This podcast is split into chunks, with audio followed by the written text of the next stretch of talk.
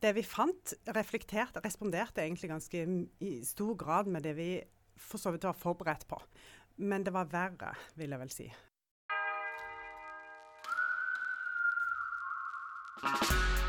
Ifølge Dostojevskij skal et samfunn vurderes ut ifra hvordan det behandler sine kriminelle. Og dersom så er tilfellet, så står det ikke bra til med kongeriket Norge.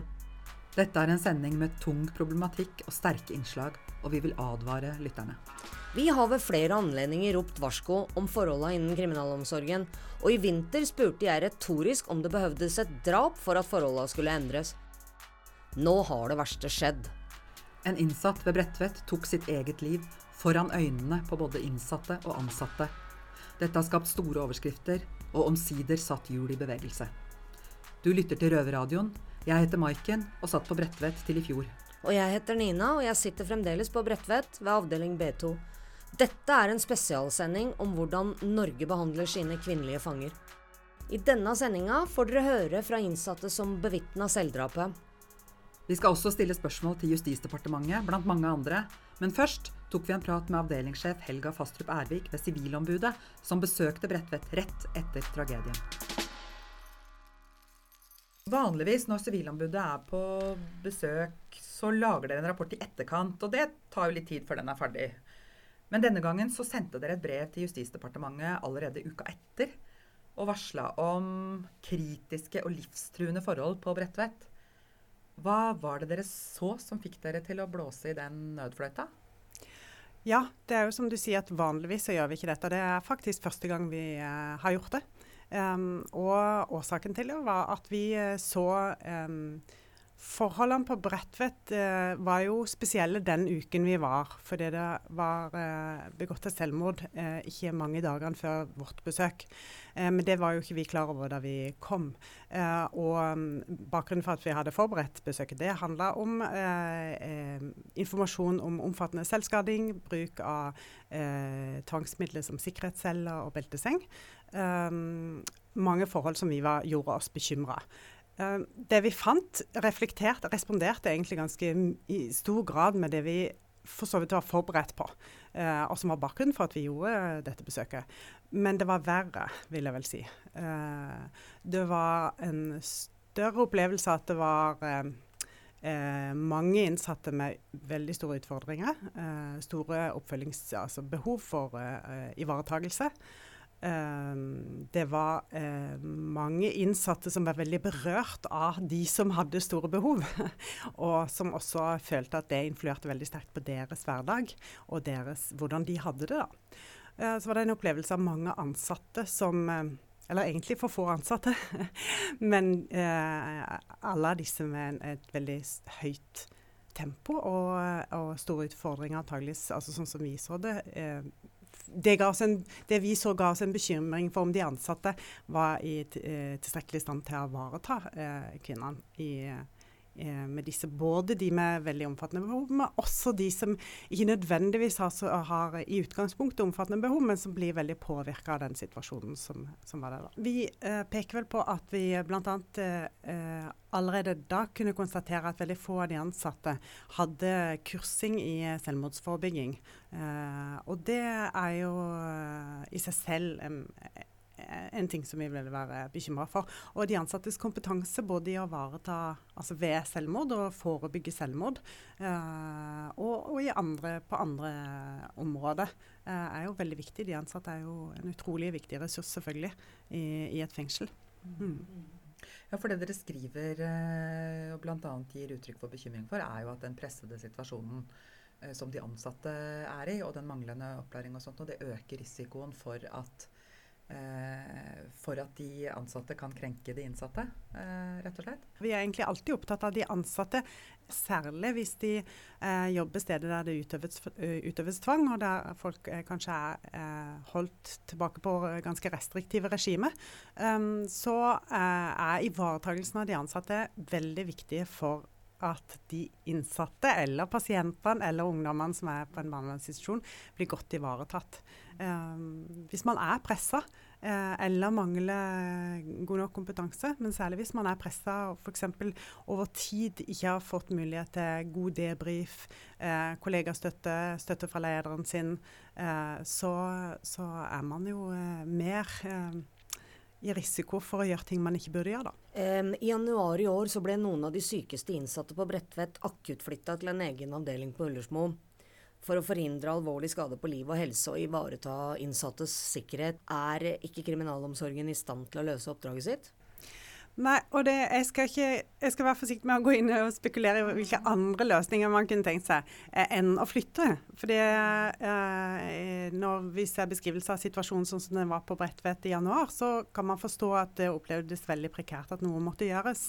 Eh, men det er jo et spørsmål om flytting. Eh, altså Det finnes jo andre måter å løse en prekær situasjon på enn å flytte innsatte videre. Men eh, når, når Eh, det er sagt, så vil jeg si at det, vi var mest bekymra for, var um, det vi så som konsekvens av den flyttingen. Og det var jo at man valgte et mannsfengsel. Uh, og valgte, fordi man valgte et mannsfengsel, valgte den mest restriktive avdelingen i dette mannsfengselet. Og forutsatte at de innsatte som ble flytta, uh, hadde utelukkelsesvedtak. Altså at de skulle sitte isolert. Andre um, forhold vi har vært bekymra for, det er um, bruk av tvangsmidler som sikkerhetscelle eh, bl.a. Der vi har, eh, og også utelukkelse, der vi noen ganger har sett at vilkårene Vi er, har vært kritiske til om vilkårene har vært oppfylt. Kanskje bruken av sikkerhetsseng har blitt for mye, eller om det blir brukt uforholdsmessig mye tvangsmidler, eller? Ja, Når eh, det gjelder sikkerhetsceller, så har vi vært opptatt av det. Men uh, faktisk så har vi gått lenger når det gjelder sikkerhetsseng. I rapporten vår um, for, i 2020 så lagde vi en temarapport om bruk av sikkerhetsseng. og Da så vi på bruken av sikkerhetsseng gjennom seks år, faktisk. Så da samla vi inn alle vedtak for seks år. Eh, det funnet som overraska oss mest, det var jo at eh, kvinner faktisk, eh, de kvinnelige innsatte har fem og en halv gang høyere risiko for å bli lagt i belte enn de mannlige innsatte. Um, og uh, sikkerhetsseng, det konkluderte vi faktisk da med i denne temarapporten. At, vi, at vi, uh, vår sterke anbefaling var å avskaffe den.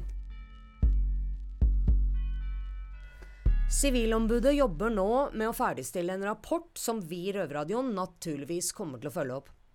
Heldigvis er det andre også som følger med på hva kriminalomsorgen gjør, f.eks. Advokatforeningen. Og vi har fått besøk av generalsekretær Merete Smith. En av de tingene vi gjør, er å være opptatt av rettspolitiske spørsmål. Så vi har vært, gjennom mange år vært opptatt av soningsforhold og problemer knyttet til eh, soning i norske fengsler. Ja, for at uh, soningsforholdene på spesielt Bredtvet er svært dårlige, det har jo vært kjent lenge, og at tallene for selvskading er høye. Hva tenker Advokatforeningen om det? Dessverre så har jo utviklingen ikke gått i en bedre retning, det har gått i en verre retning. Det er blitt økt selvskading. og vi har jo også hatt noen forferdelige selvdrap i det mm. siste. Og forholdene på Bredtvet for øvrig har vi også en mistanke om at det er blitt verre. Eh, det skjer isolasjon i strid med menneskerettighetene. Men også en annen problemstilling som kanskje er blitt mer tydelig i det siste, det er at for de som soner, og som opplever andres eh, problemer, da, for å si det sånn. Mm. Hvis du, eh, du, hører andre som hyler og skriker, mm. så dunker i veggen, så slår hodet i veggen. I det siste har jo til og med også noen som har opplevd å se en person ta eh, livet av seg. At det i seg selv er uh, uverdige forhold å sone under, og at det i seg selv også innebærer et menneskerettsbrudd. Ja, for tenker, man, tenker dere da at, at det gjør staten ansvarlig for et menneskerettighetsbrudd overfor de andre innsatte? Ja, jeg tenker jo at det absolutt er et uh, synspunkt. Og um, leder i Menneskerettighetsutvalget, som er advokat Maria Hessen Jacobsen, hun har vært veldig opptatt av det at forholdene har vært uh, kritikkverdige, for å ta et mm. mildt ja. uttrykk, over ja. lang tid. Staten er blitt varslet om det, og det er ikke blitt satt inn tilstrekkelig tiltak for å sikre at, at man har verdige forhold Eh, når man soner på Bredtvet, mm. at det kan innebære et ansvar. Men dere, for dere har jo tatt opp det som du nevnte, dette med isolasjon og sånn. Og da, da kom det jo til et, et forlik hvor staten egentlig innrømmet menneskerettighetsbrudd. Ja, øh, vi startet jo på en måte med å prøve heller gå den mer sånn forsiktige veien og snakke med politikerne. Skrive brev og ha møte med politikere på Stortinget og fortelle om at vi mener at isolasjonen som skjer bl.a. på Bredtvet, men også i andre fengsler, at den er, innebærer brudd på menneskerettighetene. Og så opplevde vi på en måte at uh, ingenting skjedde. Vi ble ikke tatt alvorlige. Eh, og så tenkte jeg at ok, det vi da gjør, er å rett og slett gå til søksmål mot staten. Og så hadde vi uh, Vi hatt et par sånne saker, men i, i en av dem, da, der var det en veldig modig kvinne som selv hadde opplevd det forferdelige å, å ligge på sikkerhetsseng. Eh, altså det som det, det Ordet er liksom så forsiktig, men det er jo helt Du blir jo, ligger jo belte, Ja, ja. belteseng over mange, mange timer. En gang tror jeg over 30 timer, en annen gang over 40 timer. Altså det er jo helt umenneskelig. Um, sammen med henne da, så gikk vi til søksmål mot staten, og hun var veldig opptatt av at hun ikke bare skulle få en erstatning, men staten skulle erkjenne menneskerettsbrudd, eller domstolen skulle dømme til menneskerettsbrudd. Og så kom det faktisk til enighet, altså at det ble et forlik. Og da i Så det kom en erkjennelse, da. Ja, det kom rett og slett en erkjennelse. Men Og eh, dette hva er- blir konsekvensen for staten, da? Bortsett fra erstatninga, trenger de å endre praksisen sin? Ja, altså det, det er jo det gode spørsmålet. At uh, Man skulle jo tro at når staten har erkjent menneskehetsbrudd, så, så skjer det en endring. Nå Ja. tar de tak. Men forholdene er jo siden den gang bare blitt verre. Vi har jo snakka med Sivilombudet også, og på vei ut herfra så nevnte hun at det er jo et paradoks at kriminalomsorgen, som, som liksom er det mest lukka systemet, har den dårligste tilsynsordningen. Altså Den tilsynsordningen er for dårlig, og den trengs å forbedres i betydelig grad. Vi har jo medlemmer fra menneskerettsutvalget vårt som er i noe av disse tilsyns, den tilsynsordningen. Og jeg tror nok at uh, de føler en stor frustrasjon på at uh, de har både lite ressurser og lite muligheter og verktøy for å få, foreta ordentlig tilsyn. For det er klart at sånn er det med oss alle. altså Hvis vi blir sett i kortene, så blir man jo ofte litt uh, bedre. Og uh, hvis jeg bare kan komme kort tilbake til, den, uh, til hun ene som vi gikk til sak eh, Ja. sammen med. Eh, så jeg, ganske, jeg så på alle papirene hennes, og så så jeg liksom at da hun var på Bredtvet, så var det en veldig altså, altså på en måte krevende, stygg historie om at det var inn og ut av fengselet, til helsehjelp, tilbake til fengselet. Mye selvskading, ikke sant. Veldig, veldig lite ålreit, for å si det på den måten. Og så, etter at hun hadde vært i belteseng så lenge, så ble hun av en eller annen grunn som ikke jeg vet hvorfor, flyttet over til et annet fengsel. Og så, når man ser på historien fra dette fengselet, så plutselig var det ikke mer selvskading. Eh, Det var liksom ingenting, ingenting å rapportere på en måte annet enn vanlig soning. Hva var grunnen til det? Ja, og det spurte jeg henne om. Hva, var grunn, hva skjedde da? Og så sa han nei, noen begynte å snakke med meg og spørre hva jeg trengte.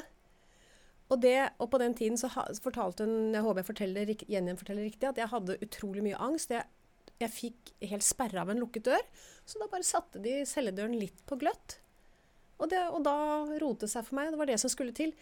Altså Nå er det ikke alltid så enkelt, men noen ganger er det faktisk så enkelt at man trenger noen å snakke med, fortelle hva problemet er, og kanskje kan faktisk kan det løses på en enkel måte, som skjedde i dette tilfellet.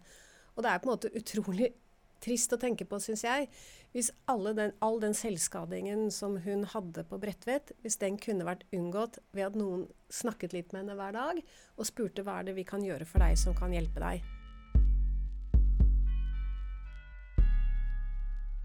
Ja, at det er akkurat kriminalomsorgen som har den dårligste tilsynsordninga, det kommer jo ikke akkurat som noe sjokk på verken eh, meg eller deg, Marken.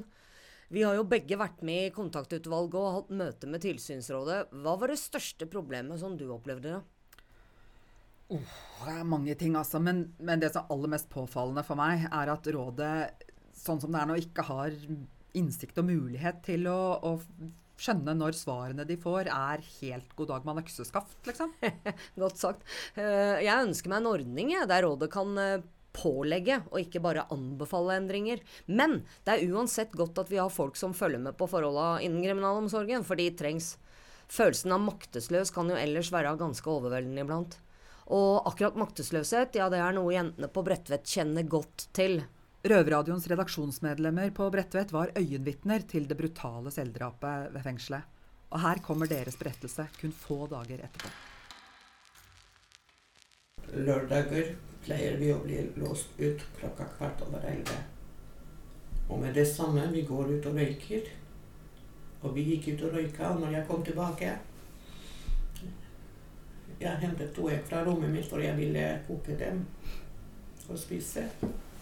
Og så stoppa jeg på kontoret og snakka noe med noen av betjentene. Det var det, det varte bare i to minutter, så hørte jeg skrik. Og så tenkte jeg OK, for det er, det er vanlig at kvinner krangler her i fengsel. Så dro jeg på kjøkkenet for å se hvem krangler. Og så så jeg en innsatt som så rett på ansiktet mitt.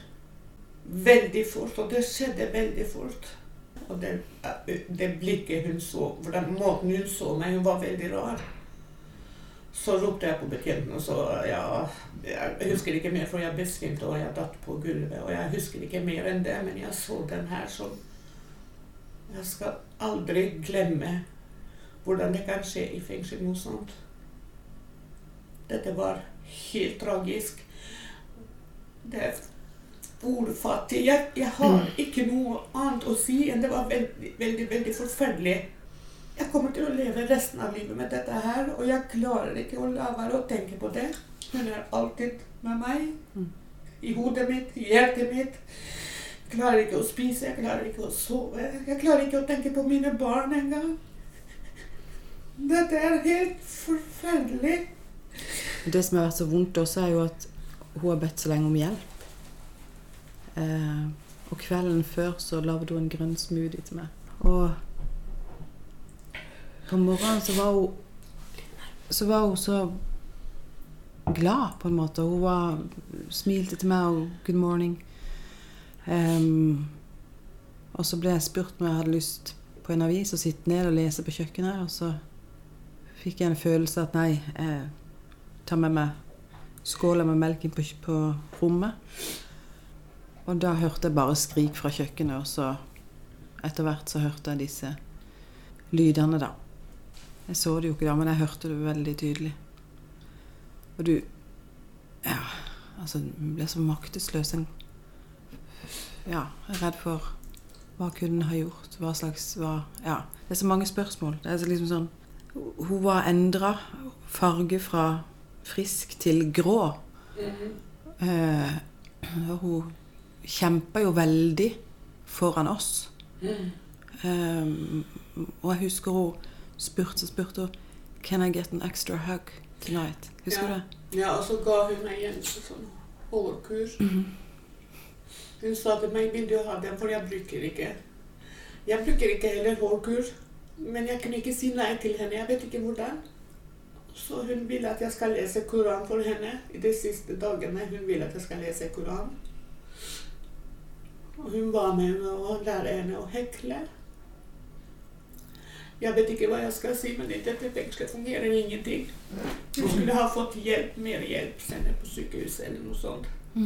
For hva skjedde rett etter det har skjedd, på en måte? Ja, vi ble låst inn alle sammen. Eh, Ikke jeg, men alle sammen helt til klokka fem. Ingen har fått mat. Ingen har fått frisk luft. Andre avdelinger de har, de har sett at noe har skjedd, men ingen visste noe. Og alle var alene på cella. Og sikkert de, har, de hadde masse spørsmål. For jeg snakka etterpå med noen på avdeling fire, for jeg ble flytta på firene pga. av jeg, jeg hadde det veldig dårlig. Og de jentene som var, noen av dem som var på fyren, sa at jeg holdt på å bli gal. Jeg visste ikke hva har skjedd, men jeg visste at noe har skjedd. Noe veldig alvorlig, liksom. Men jeg, hold, jeg holder også på å bli gal. Jeg har ikke fått noe, Men det noe jeg, hjelp. Det var bare legevakta den kveld. Men vi trenger profesjonell hjelp. Vi har ikke fått det. For de på avdeling 1 som var under oss, og på avdeling 3 over oss, så de, de hørte at vi skrek så fælt. Mm. Og de trodde det var slåsskamp. Men dessverre, det var tragisk mord. Og denne jenta har kjempa så lenge. De sier vi har gjort alt for henne.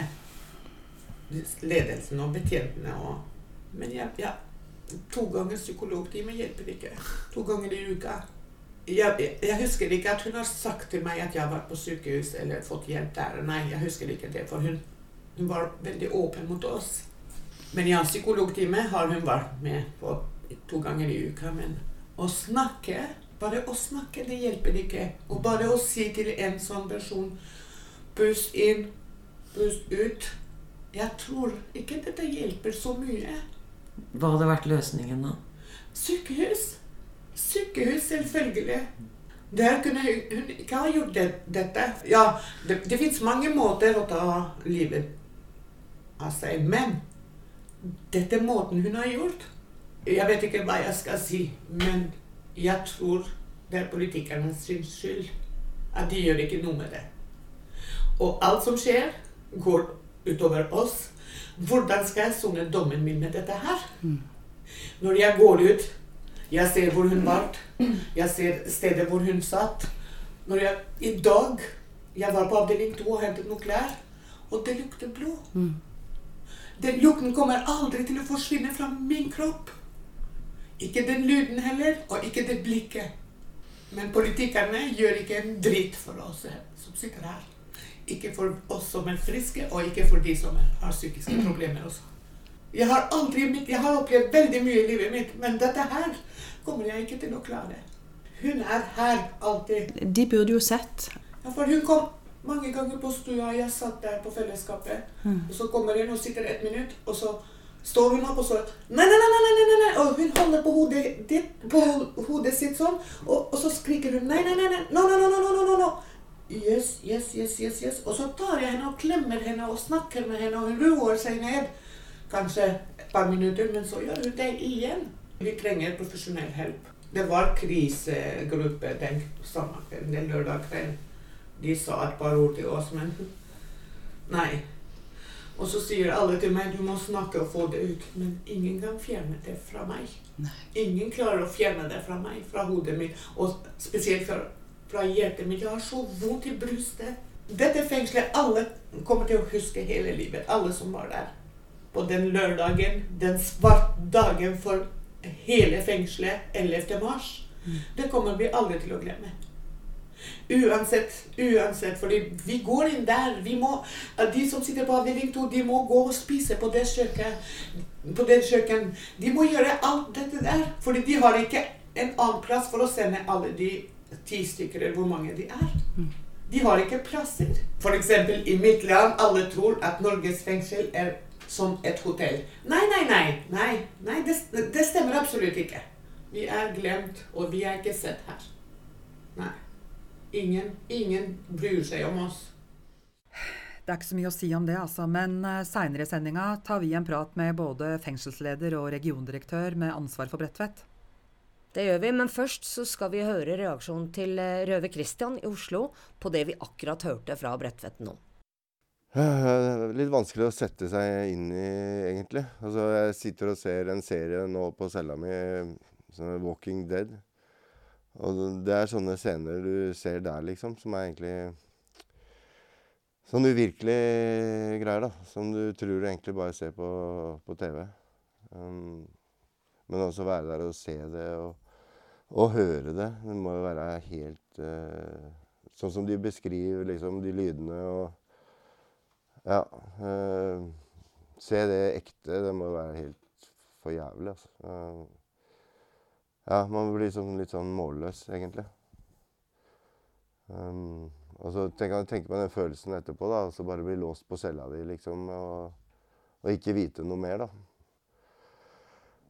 Ja, det er um, Det er, uh, det er tøffe saker, altså. Ja, vi er helt sjokkert her i Oslo fengsel og hører sånne ting. Jeg håper dere får den hjelpa dere må ha, og, og litt til, egentlig. Så ja, stå på, hold motet oppe.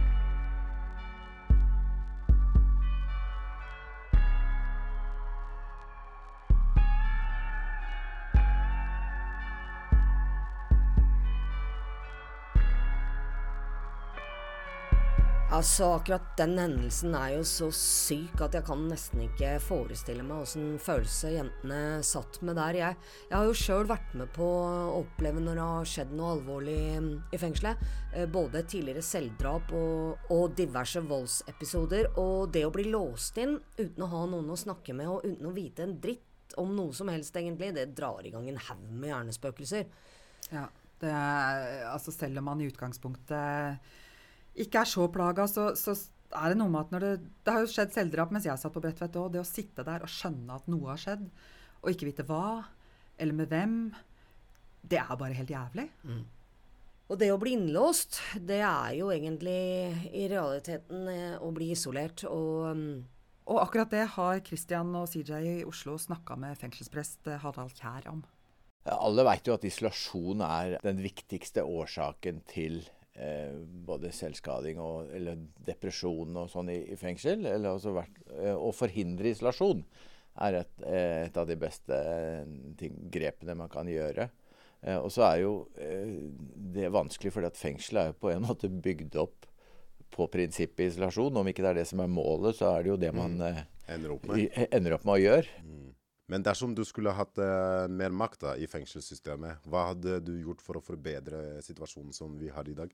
Å, det er fryktelig vanskelig å si. Altså, fengsel er noe som er fryktelig lett å kritisere, og så er det fryktelig vanskelig å liksom komme med realistiske, gode løsninger. Men, men det er klart eh, eh, jeg, jeg ville prøvd å fått flere mennesker inn. For det er klart, hadde det vært mange ansatte, så hadde det vært mye tryggere å lage å ha folk, mange flere, ute av cellene på aktiviteter og, og fornuftige ting. For det vet vi jo, at det bare det å få noen ut i aktivitetsbygget en time, eller ut i luftegården en time, at det, det, at det letter litt og hjelper litt. Ja. Eh, i, I Norge så sitter jo folk flest på celle Eller ikke folk flest, men her i Oslo fengsel i hvert fall. Uh, kan sitte på cella si opptil uh, 21 timer. Eh, har du noe å si til de, så de kan takle dette? For det første har jeg aldri prøvd det sjøl.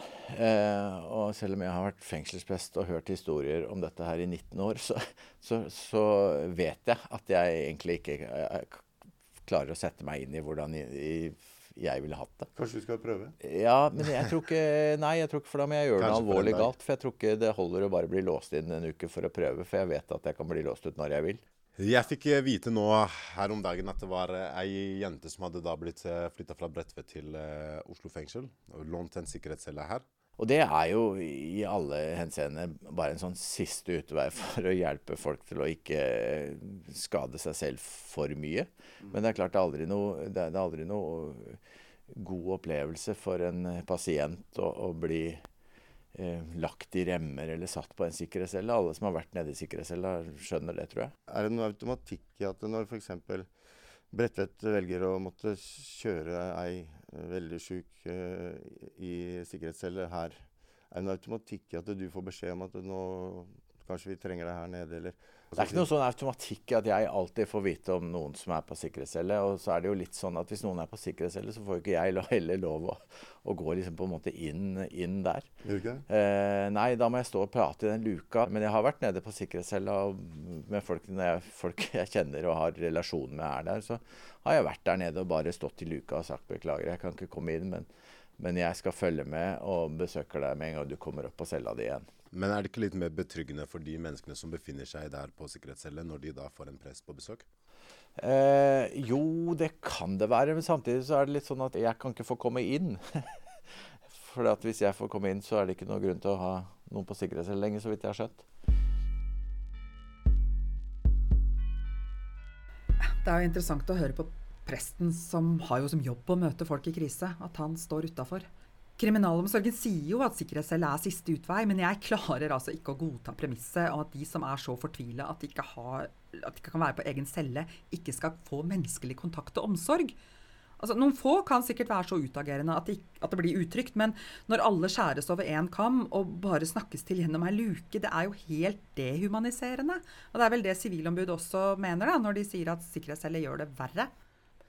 Ja, jeg satt jo sjøl isolert på sikkerhetscelle i Sverige nesten sju uker i strekk, og hele den tida så hadde jeg bare besøk av presten i ca. en time en gang i uka. Og, og vi måtte prate sammen på samme måten som presten i Oslo beskriver, nemlig gjennom en luke. Og følelsen jeg fikk av det, var jo Umenneskeliggjøringa i det var total, og jeg var verken, skal du vite, selvskadende eller voldelig. Jeg har forresten spurt kriminalomsorgen ja, om akkurat det med at noen blei sendt til Oslo nå nylig. Og Sist var det visst fordi gulvet i de cellene på Bredtvet var i ferd med å gå i oppløsning, så sikkerhetscella var rett og slett ikke sikker lenger. Ja, det sier jo nesten alt om hvor nedslitt den eh, bygningsmassen ved Bredtvet er, faktisk. Men selvdrapet førte i alle fall til at kriminalomsorgen nå er lova noen ekstra kroner i revidert eh, nasjonalbudsjett. Og du fikk jo tatt en prat med statssekretæren ved Justisdepartementet der, nemlig Jon Erik Vika. Altså Nå ser man da ekstrabevilgning på 102 millioner, og det høres jo supert ut. Men det er jo ikke så fryktelig mye penger eh, når man begynner å se på hvordan kostnadene er og, og, og skal fordele det utover. Ja. Nei da, det, men 102 millioner kroner er jo mye penger. Og så er jo, er jo saken den at uh, hadde vi ikke fått de pengene, så hadde det vært enda mørkere enn en det blir. Så det er jo med på å dekke de ekstraordinære utgiftene blant annet som man har hatt, så man slipper da å, å uh, sette i gang sparetiltak eller uh, nedskjæringstiltak for å gå i null i et budsjett. Mm. Så, så, man reduserer liksom for 2023. Her har vi liksom klart å, å, å nulle ut den. Og I tillegg så kommer det ekstra penger da særlig over til, eh, til kvinne, kvinnelige forhold. Ja, Men gjør det egentlig det? Fordi, fordi helt enig, altså denne, denne ekstrabevilgningen den gjør jo at, eh, at, det er en del større eh, kutt og innstramminger som, som, man da slipper. Men, men man må fortsatt sette den innstrammingslinja som man gjør. Og nå er det jo en del ting som skjer, eh, bl.a. etter dette selvdrapet på, på, på Bredtvet, med flytting eh, til Skien. Det skal tilpasses der. Det gjøres omsider noen endringer eh, på Bredtvet. Så hvor mye penger er det igjen eh, når de ekstrakostnadene er dekket? Det er vanskelig å si, men det er iallfall 50 millioner kroner da, som går til ekstraordinære tiltak. Og deriblant 15 millioner kroner som går eh, rett og slett til kvinnesoningsforholdene. Mm. For, for, et poeng er jo at kvinnene de har jo hatt eh, dårligere forhold enn menn. Det er vel kjent.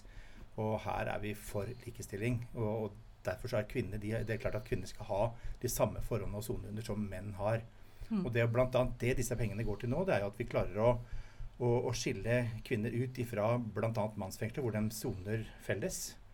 Og at vi får en, eh, et sted som nå er bestemt til, til Skien, hvor man da også får en bedre ressurs med hensyn til helsebiten. Hvorfor kommer det nå, den biten nå altså Nå ble det jo besluttet etter uh, den hendelsen på Bredtvet, uh, med flyttingen til Skien og, og, litt sånne ting. Men dette har jo vært kjent lenge? Nei, det kan, du, det kan, du, si. Vi får være glad for at det kom nå. At vi da kan kjempe om enda mer penger i det budsjettet som gjelder for 2024. Mm. Så vi har liksom tatt det steget nå, da. Men vi har jo gitt vi har, vi har klart å få inn 145 eh, millioner kroner i løpet av 2022 og 2023 til kriminalomsorgen.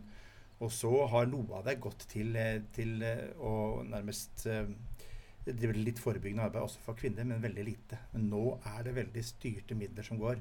Nå har man valgt å ta et steg, og det var jo på bakgrunn av det som skjedde på Bredtvet. At her måtte det inn, iverksettes noen akuttiltak. Og de akuttiltakene medfører bl.a. at man så en mulighet til å kunne utnytte Skien fengsel til et kvinnefengsel. Og dermed så var det flere floker som begynte å løse seg, og så er vi jo ikke i mål. Vi, vi må jo fortsette å, å kjempe for å få midler til bl.a. kvinnefengslene. Uh, I fjor sommer så ble avdeling 4 på Bredtvet stengt for en periode. og Belegget ble tatt ned fra 45 til 40 eh, innsattplasser. Eh, Bl.a. for å ha mer ressurser på de gjenværende tre avdelingene. Fordi situasjonen var så pressa, det var høyt sykefravær og det var mye syke folk. Og Det har jo lenge vært kjent at det har vært mange tungt psykisk syke på Bredtvet, også før man akuttflytta kvinnelige innsatte til Ullersmo eh, på nyåret. Eh, hvorfor er det ikke etablert en nasjonal forsterket fellesskapsavdeling for kvinnelige innsatte, eller hvorfor er ikke det på blokka? Det er på blokka. Uh, og det er nok fordi at det er kommet flere innspill fra faglig hold uh, akkurat om den NFFA-avdelingen som, som, vi snakker om. Og, og, der jobber vi nå sammen med Helse- og omsorgsdepartementet for å finne en løsning for uh, å se på samme modell som vi har på, på, Ila, eller som vi får på Ila nå hvert øyeblikk. Kriminalomsorgen har beskrevet hvordan innsatte som har blitt lagt inn etter selvmordsforsøk, har blitt gjenopplivet og utskrevet samme dag og returnert til fengsel. Mm. hvordan er samarbeidet med, med helse? Det er veldig godt. Ja. Eh, og vi har hatt innledningsmøte med, med Helse- og omsorgsdepartementet, og vi har hatt eh, flere møter nå, på, også på embetsnivå. Og det gjør at vi, eh, jeg ser veldig positivt på det. Vi har gode samtaler, og vi ser den felles utfordringen vi har. For én ting er at vi har innsatte i norske fengsler i dag som, som, er så psykisk syke at de ikke burde være i fengsel, men de er for lite syke til å være i en, eh, en helseinstitusjon. Og det er jo det dilemmaet vi står i. Og det er jo det man så på Bredtvet, at det, det ble jo etter hvert veldig mange med, med, sterke psykiske plager. Og det er ikke et egnet sted å ha så mange. Derfor så er jo den akutte eh, løsningen Det er å flytte noen fra Bredtvet og da til, eh, til Skien for å dempe på presset som er på Bredtvet. Så det ligger an til å bli endringer og, og forsterkinger for den eh, innsatsgruppen? Jeg er veldig optimist. Hvordan, hvordan vil du vurdere deres, uh, deres fokus på, uh, på kvinnesoning så langt, altså før nå? Hvorfor har det tatt så lang tid? Noen ting tar veldig mye tid. Og så er det jo sånn at I denne situasjonen her har vi kommet til en akuttsituasjon som gjør at man kan ta noen snarveier som man ikke kunne gjort ellers som da får i gang noen sånne andre løp. Og så er jeg enig om at Bredtvet det er, en, det er en, et utfordrende sted, fordi det har vært såpass mange soner uh, der oppe. Og det er jo eh, når man da får så mange med så mange psykiske og store psykiske utfordringer, så er man nødt for å gjøre noe. Og det er jo det vi er i gang på nå. Da får vi heller være glad for at vi har kommet i gang med noe konkret, og har enda flere planer enn det. Og så får vi la historie være historie. Nå er vi i hvert fall i gang. Hva tenker du om den foreløpige, altså det, det varslingsbrevet som eh, Sivilombudet sendte til Justisdepartementet etter at de var på besøk på Bredtvet? Det blir nå eh, styrka bemanning på Bredtvet, som er en av årsakene. En av grunnene til at man da når man øker bemanningen, så får man også noe mer tid til å fange opp nettopp sånne små signaler. Og, og da har vi også tenkt på uh, helsefaglig personell, som også blir ansatt i denne uh, bevilgningen vi har nå, så blir det styrka. Mm. En tredje ting som også blir styrka nå, det er faktisk utdanning for de som driver med som Spesielt for eh, kvinnesoning. Slik at vi får en, en bedre og bredere kompetanse blant de ansatte. Ja, det er godt at det er noen som er litt optimistiske. For det kan trengs. Det har vært utrolig mange kutt over lang, lang tid, og svære høl som skal tettes. Ja, for det har jo brent på dass på Bredtvet lenge nå. Du, Maiken, tok turen til Lillestrøm til E for å prate med regionsdirektør Stig Storvik og høre hvordan de jobber med situasjonen. Uh, vi har en såkalt budsjettfordelingsmodell da, i kriminalomsorgen, hvor man fordeler pengene ut ifra antall plasser man har. Uh, og når det gjelder kvinneplassene, altså både på Ravneberget og Bredtvet, så passer ikke de helt inn i budsjettfordelingsmodellen. Mm. Eh, fordi vi ser at de er litt dyrere å drive enn ordinære mannsfengsler på høyere sikkerhet. Det regionen da har gjort, er å omfordele noe når det gjelder kvinner. Det som har skjedd da, er at vi har styrket eh, budsjettet til Bredtvet med sånn ca. 10-11 millioner de siste årene. Men det har jo selvfølgelig gått på bekostning av noe, og det er på bekostning av de andre fengslene da i Region Øst. Når eh, den ene avdelingen ble stengt på, på Bredtvet i fjor, hva var det som var bakgrunnen for det? Det som var bakgrunnen for det, var et veldig høyt uh, sykefravær. Uh, var, vi hadde store utfordringer på bemanningssiden. Uh, og på det tidspunktet var det ganske mange psykisk syke innsatte. Og en del av dette sykefraværet er relatert til arbeidssituasjonen. Vi så det at det var, det var nesten uforsvarlig. Så vi, eh, regionen, ba da eh, direktoratet om å kunne redusere antall plasser på Bredtvet fra 45 plasser til 40 plasser. Og så ba vi om at eh, en av avdelingene ble midlertidig stengt, slik at vi kunne flytte mannskaper fra denne avdelingen over i de andre avdelingene for å styrke bemanningen der. Men så ble det jo da i, på nyåret eh, så ble det jo besluttet at noen innsatte skulle flyttes eh, til Ullersmo. Ja, og da var det igjen en kritisk situasjon hvor det var veldig mange eh, psykisk syke innsatte. Ja. Eh, det var omfattende bruk av tvangsmidler, altså sikkerhetscelle og sikkerhetsseng, kombinert med lav bemanning pga. høyt sykefravær. Mm. Og da mente vi at det, det eneste forsvarlige å gjøre da, det var å, å flytte de ut av Bredtvet. Vi prøvde selvfølgelig først å flytte de til andre enheter som har eh, kvinner. Eh, men eh, det var ikke lett å få flyttet de over til disse mindre enhetene, for de er ofte ikke så robuste til å kunne håndtere de. De har ikke bygningsmasse til å klare å håndtere eh, en situasjon hvor hvor flere er utagerende, og, mm. og, det er behov for å, å bruke disse tvangsmidlene. Da. Er på en måte ikke kriminalomsorgen rigget for å håndtere sine innsatte? Nei, I den situasjonen som, vi, som oppsto på det tidspunktet, så var vi jo ikke det. Fordi eh, så Og vi, vi, tar absolutt til oss kritikken fra Sivilombudet, mm. men der og da så så ikke vi noen annen løsning enn å flytte de over. Eh, i den Gjorde situasjonen. kriminalomsorgen da noe forsøk på å få de lagt inn f.eks. på psykiatrisk? Ja, det gjør vi hele tiden, egentlig. Eh, Men uh, det er ikke lett å få de lagt inn. Og vi ser jo også det at uh, når en innsatt begynner å bli urolig, så får det en sånn smitteeffekt for de andre. Bygningsmassen på Bredtvet bærer lyden dessverre veldig godt, slik at det er lett å høre når eh, noen blir urolig. Og det er klart at eh, det å bli utsatt for andres lidelse, det er ikke bra for noen. Nei. Men hvordan er det nå på Bredtvet eh, og med, med bruk av sikkerhetscelle og sånn? Jeg har hørt noe om at, det er, eh, at, at man bruker eh, sikkerhetscellen i Oslo fengsel. Ja, vi, i et tilfelle så måtte vi det. Sikkerhetscellene på Bredtvet måtte renoveres i all hast. Det var, det var løse gulvet som begynte å løsne, og man kunne da bruke biter av gulvet til f.eks. selvskading osv. Er det noen andre ting eh, som dere gjør for å støtte Bredtvet? Ja, mm, en rekke tiltak som, som vi har vært inne og, og bistått f.eks. Bredtvet med. Eh, Når det har vært veldig lav bemanning, så har vi prøvd å omdisponere mannskapet fra nærliggende fengsler til Bredtvet for å styrke bemanningen der. Vi eh, har vært en pådriver for å få på plass dette ressursteamet som vi etablerte på Bredtvet i fjor. Mm. De eh, eh, konsentrerer seg eller jobber opp mot de innsatte som sliter spesielt mye. Eh, og som de sørger for å få ut av cella, eh, få de i aktivitet, eh, få meningsfull menneskelig kontakt. Eh, det vi ønsker, det er jo at å styrke samarbeidet mellom ressursteamet på Bredtvet og NFFA på Ila. Ja, og NFFA er Nasjonal forsterket fellesskapsavdeling, Ja. som er et tilbud for utagerende psykisk syke innsatte. Mm.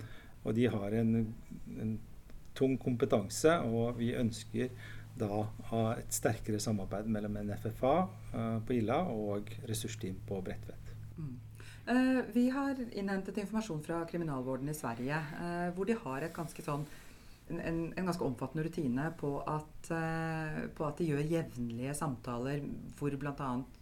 screening for selvmordsfare er en del av det, bl.a. i forbindelse med alle overganger. Vi har absolutt noe å lære på dette området. Og, og det, det høres veldig interessant ut, eh, det man gjør i Sverige. eh, Mm. Med at overganger eh, eller når det skjer dramatiske ting, at man da eh, har rutine for å, å skrine, som du sier. Mm, ja. Det er jo mye som dreier seg om, om økonomi. eh, og Hvordan har det vært nå? For det har jo kommet noen ekstratildelinger. Altså man har jo hatt disse Det har vært mye ekstraordinære kostnader også de siste årene. ikke sant? Eh, Ja, hva slags kostnader da? Energikostnader har jo vært eh, veldig eh, byrdefylt for kriminalomsorgen. Vi har en voldsom eh, bygningsmasse. Vanligvis så har kriminalomsorgen brukt 75 millioner i året på energi. I fjor byksa det opp til 115 millioner nærmest, nesten. Eh, og vi forventer i år eh, energikostnader på 160-170 millioner. I tillegg så er det jo en, en ganske stor prisvekst, eh, og den blir heller ikke kompensert fullt ut. Eh, legger man alt dette sammen, så blir eh, bildet nokså dystert. Det er mye å bruke penger på, ja, så det spørs om det rekker eh, langt nok til å få flere folk på jobb. Ja, og det snakkes jo så vakkert om kompetanseøkning også, men jeg er redd for at det å sende ansatte på kurs er noe av det første som ryker når man har skrapa budsjett og høl i vaktlistene. Og du satt jo der oppe på Bredtvet når de stengte den ene avdelinga. Ja, fytti rakkeren. Jeg kan jo bare si at eh, den flyttinga den var ikke uproblematisk for meg. Altså, jeg blei nemlig flytta til en mer restriktiv eh, avdeling med mer innlåsning. Og det er jo stikk i strid med intensjonen og loven som sier at du ikke skal plasseres på et mer restriktivt regime enn eh, nødvendig. Igjen et grelt eh, eksempel på hvor pressa kriminalomsorgen har vært gjennom altfor lang tid. Ja. Men eh, det å stille kritiske spørsmål til ledelsen ved Bredtvet, det er jo noe jeg har hatt lyst til lenge. Og nå fikk jeg faktisk den muligheten eh, da den nye fengselslederen Levi Tyriberget tok turen eh, hit ned til Røverradioen. Du overtok jo etter Doris Bakken i forbindelse med hennes avgang etter selvdrapet og den krasse kritikken fra Sivilombudet. Hvordan har det vært for deg å trå rett inn i det? Nei, jeg må jo si at det, det var en eh, brå endring for meg òg. Det var jo det. Eh, og så var det med ydmykhet og respekt for det som har vært på, av utfordringer på Bredtvet, som jeg har kjent litt til eh, fra den forrige jobben. Så eh, Men det har vært fint. Det har vært eh, fint å komme til Bredtvet. Kan du fortelle noe om hvilke konkrete tiltak du har iverksatt eh, etter at du tiltrådte? Når jeg begynte, så kom jo jeg med egentlig en handlingsplan som var laga av eh, regionalt nivå eh, sammen med direktoratet. Så det var en liste på 15-16 handlingspunkter eh, som vi har begynt med direkte egentlig fra jeg kom, med, hvor det ene har vært eh, en styrking av eh, ansatte. Både fengselsbetjenter og to fagstillinger bl.a. Eh, sosialkonsulent og tilbakeføringskoordinator. Som ikke har vært der på en stund. Ja, det var jo veldig nødvendig. I hvert fall de to stillingene der. Det har ja. jo vært flere år uten, med fravær av det, så Ja, og det er flere stillinger også som har vært tatt ned i omstilling på Bredtvet. Men uh, dette er to av de, og, og de er nå tilbake som eh, midlertidig, og så er de også lyst ut for faste stillinger. Mm. Altså Man leser jo i media nå om dagen at det liksom er bevilga 45 millioner eh, ekstra til kriminalomsorgen, men det er jo kriminalomsorgen i stort. Så har jeg lest at det er 15 millioner som skal gå direkte til kvinnesoning, men det er kvinnesoning i stort. Har du noe begrep om hvor mange millioner som eventuelt, eller hvor få millioner vi kanskje heller kan si, som faktisk drypper ned på Bredtvet? Nei, det er tidlig å si ennå. Det, eh, det, vet vi. Det vet ikke jeg. Eh, vi skal ha et møte med direktoratet i dag, så jeg håper kanskje vi får noe, noe svar på det da. Men, eh, men om det er én million til oss og resten til Skien, eller motsatt, eller om det er noe midt på, det, Nemlig. det vet det er, det er jo det jeg frykter også, så det er godt å høre også fra deg. Nå vet jeg for øvrig at du egentlig aldri kommenterer enkeltsaker, men dette her er jo en Bredtvet spesialsending, og vi veit jo at selvdrapet der var varsla, så vel til helse som uh, til uh, avdelingen for så vidt, og det kommer vi til å adressere. Jeg vil gi deg muligheten til å kommentere det. Jeg er ikke helt sikker på om jeg forstår spørsmålet. Du mener at selvdrapet var varsla? Ja, jeg mener at det var det, ja. jeg tror ingen, eh, ingen på Bredtvet som føler at eh, selvdrapet der eh, var varsla på noe vis. Eh, man var ikke forberedt på at det skulle skje i det hele tatt. OK. Uh, men, men, det jeg kan si generelt, det er jo mm. at, at vi, på Bredtvet så er det jo har over lang tid vært veldig mye selvskading og, og selvmordsforsøk. Og så er det en veldig vanskelig grensegang hva som er selvmordsforsøk og hva som er selvskading. Eh, men det er eh, også viktig å si at man eh,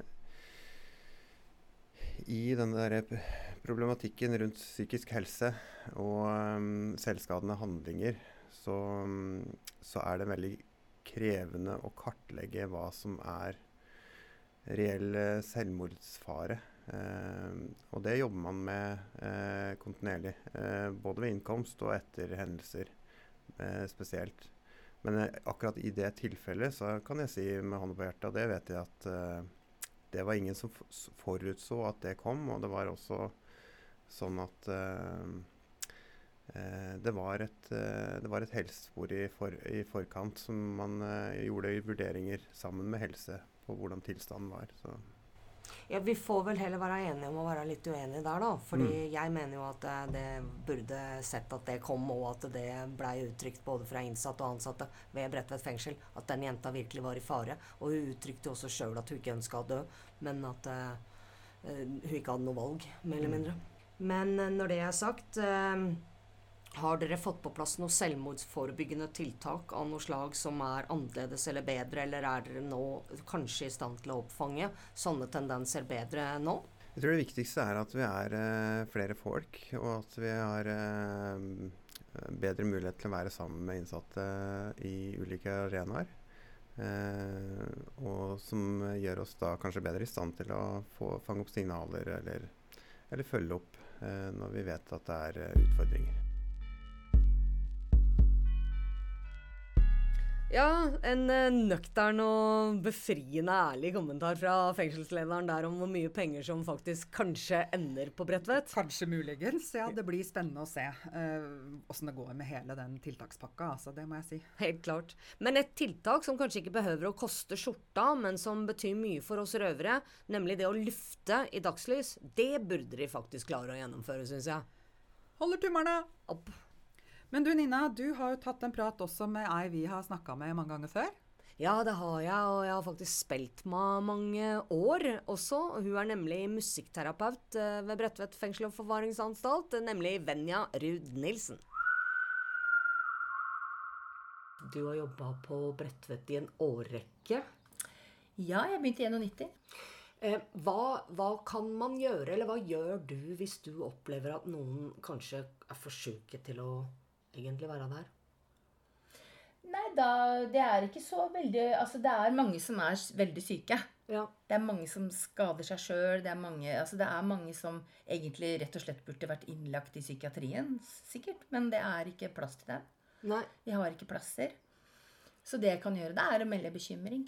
Har du gjort det nå i det siste? Det har jeg gjort én gang. Mm. En gang, ja. ja. Så jeg har ikke gjort det ofte. Nei. Men jeg har gjort det én gang. Mm. Og det var uh, nå nylig? Ja, det var nå nylig.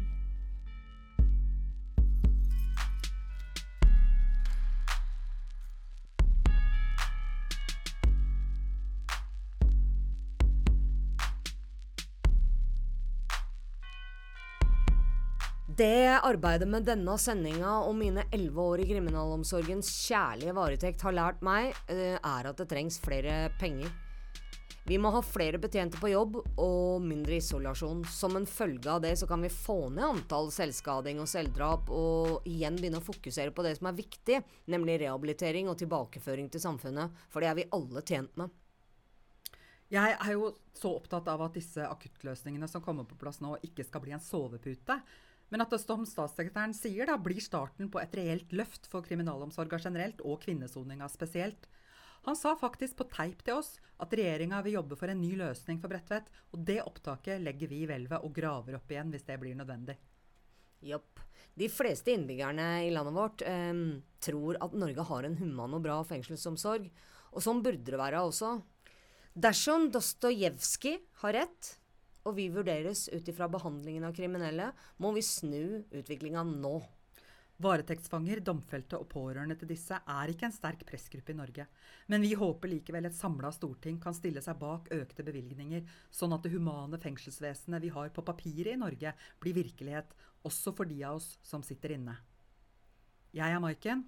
Og jeg er Nina, og takk, takk for, for, at du, du hørte på Røverradioen.